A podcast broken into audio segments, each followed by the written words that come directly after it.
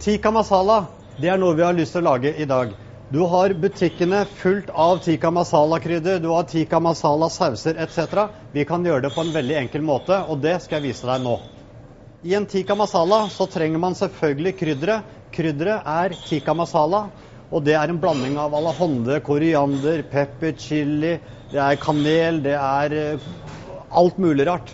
Ca. 40 forskjellige ingredienser som kun du kan kjøpe i en ferdig blanding, sånn som dette her.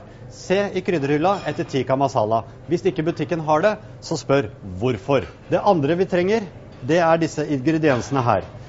Kylling, løk, hvitløk, kokosmelk, chili, deilige tomater, salt og litt yoghurt. Kyllingen Jeg er jo alltid glad i hel kylling. Den her er fra Persgård utafor Sandefjord. Den er fin, stor, saftig og god. Hvis du går i en eh, vanlig dagligvareforretning, så får du også hele kyllinger.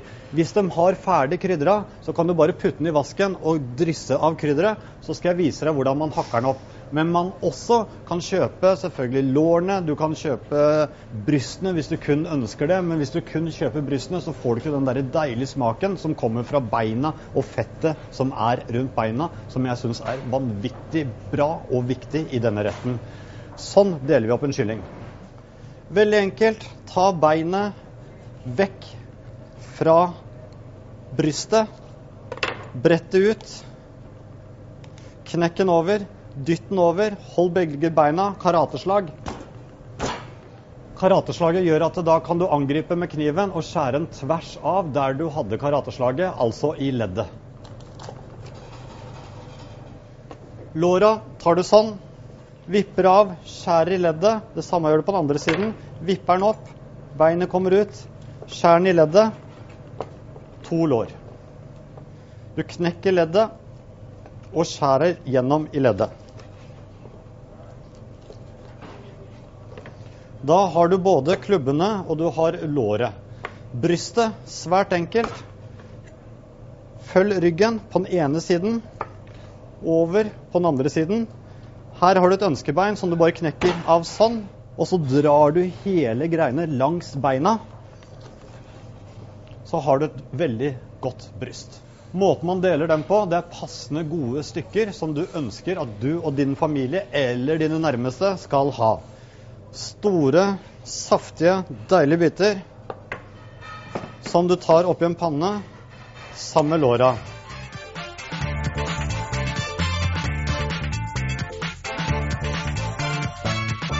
Så går vi i gang og kutter opp det man ønsker å blande tikka masalaen inn. Det er løken. Deles opp i litt større stykker. Masse deilig hvitløk. Tomater. Saftige, gode plommetomater. Det hele toppes med tikka masala-krydder. Kokosmelk. Yoghurt og litt salt. Og selvfølgelig Maldonsalt. Og så er det selvfølgelig kun du som bestemmer hvor gæren du skal være. Det handler om nemlig chilien.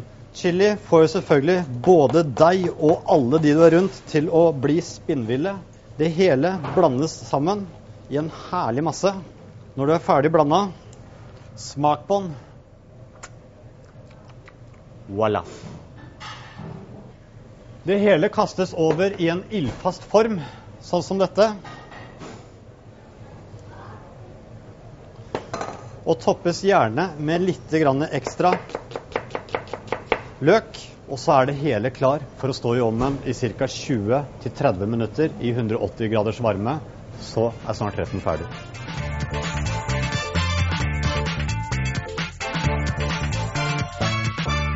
Da har kylling tikan stått og puttet i ovnen i ca. 25 eh, minutter, tenker jeg.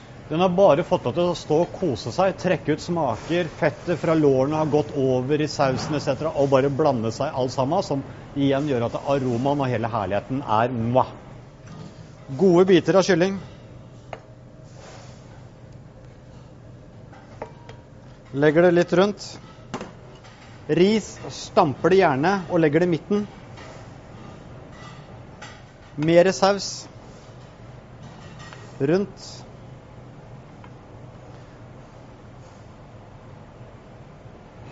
Når du er ferdig med det, koriander, et must for sånne retter.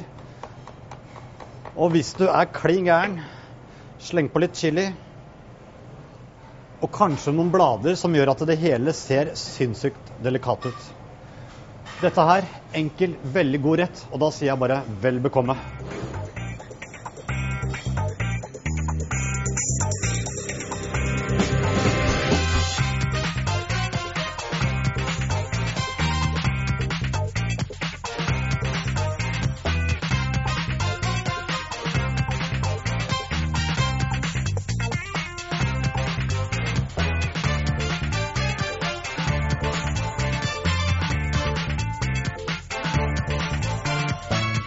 Velkommen igjen. Da ønsker vi å lage en fantastisk rett. Jeg var i Spania i sommer og var på ferie, og en av de deiligste rettene jeg fikk der sånn, som spanjolene virkelig har klart å hente fra kanskje Italia, det er den klassiske gazbaggio. Eh, det er en kald tomatsuppe eh, som har de fantastiske aromaene og ingredienser og er så sunt at du kommer til å hoppe. Fantastisk! Dette er hva som er i den. Selvfølgelig plommetomater Plommetomater er kanskje den beste type tomater man kan bruke i en sånn suppe, fordi den har en ekstra sødme som er helt annerledes i forhold til en vanlig tomat som er massedyrka. Plommetomater, alltid plommetomater, det er ultimat i forhold til den suppen her. sånn. Litt hvitløk, litt sitron, chili, basilikum, litt rødløk, paprika, krutonger, agurk, parmesan og maldonsalt. Vi kjører på. Agurken brukes da til å slenge oppi blenderen sammen med litt tomater. Der ønsker vi kun å ta ut stilken, som også har veldig mye bitterstoffer, som ikke er noe særlig i en suppe i det hele tatt. Spesielt barna dine hater det. Og så chili. I chilien så skal man ikke bruke frøene. Eh, basilikum heller oppi noen blader, og så tar vi vare på de fine bladene her sånn. Stilkene kan vi selvfølgelig også kaste i, for det er mye smak i det. Bladene tar vi vare på fordi at det ønsker vi å pynte suppa med på toppen. Kaster det også oppi. Løk. Rødløk den er det litt bedre farve på og ikke minst bedre smak på enn den der berømte gule løken. Bare kutter den litt opp. Slenger den oppi blenderen. Paprika skal kun ha kjøttet, ikke frøene. Og så kjører vi litt hvitløk. Godt med hvitløk. Hvitløk er både sunt og ekstremt deilig i en sånn suppe som dette her. sånn. For å få friskheten i suppen, så tar vi også og skviser sitron, som gjør alt. Jeg elsker sitron. Sitron gjør nesten all mat mye friskere og bedre. Litt grann timian, også veldig viktig i en sånn suppe som dette her. sånn. Chilien har vi oppi. Da mangler vi egentlig bare ca. en spiseskje sukker. Den trenger litt sødme i forhold til all den bitterheten, fordi at det er rå grønnsaker. Rå grønnsaker må ha et eller annet mot seg som gjør det søtt. Sukker er løsningen i forhold til det. Eh, olivenoljen vi velger, det er en extra virgin olje. Eh, spiller ingen rolle hva slags type etc. Extra virgin har en veldig veldig fin, rund smak og gjør den ekstra god. Og ikke minst rund og mild og frisk.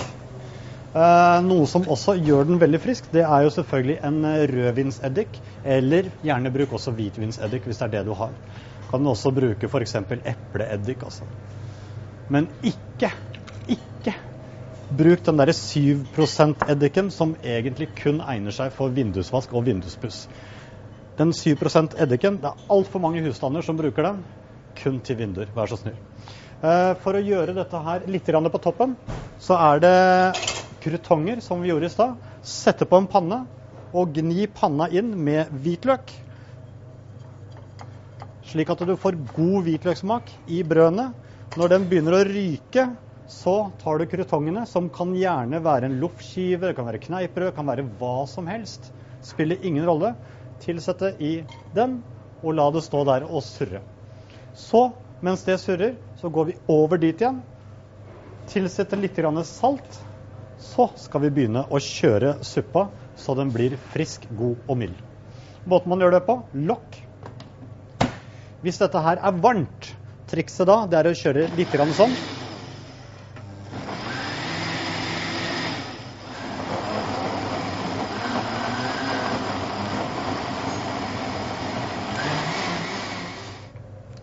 Når du da har eh, tatt og kjørt den i blender, så smaker du selvfølgelig på den. Kjenner hvordan aromaen er. Åh! Seieren er min. Den er fantastisk. Eh, trenger egentlig ikke noe parmesan. Jeg hadde tenkt å kjøre parmesan opp inn. Hvis den ikke er salt nok, kjør noe parmesan. Jeg ønsker å ha det på toppen fordi at den er så god denne gangen her sånn.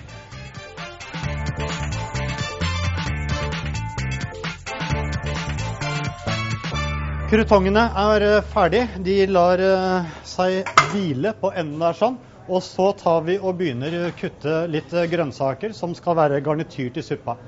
Garnityret som skal være til suppa, det skal være det samme som er i innholdet.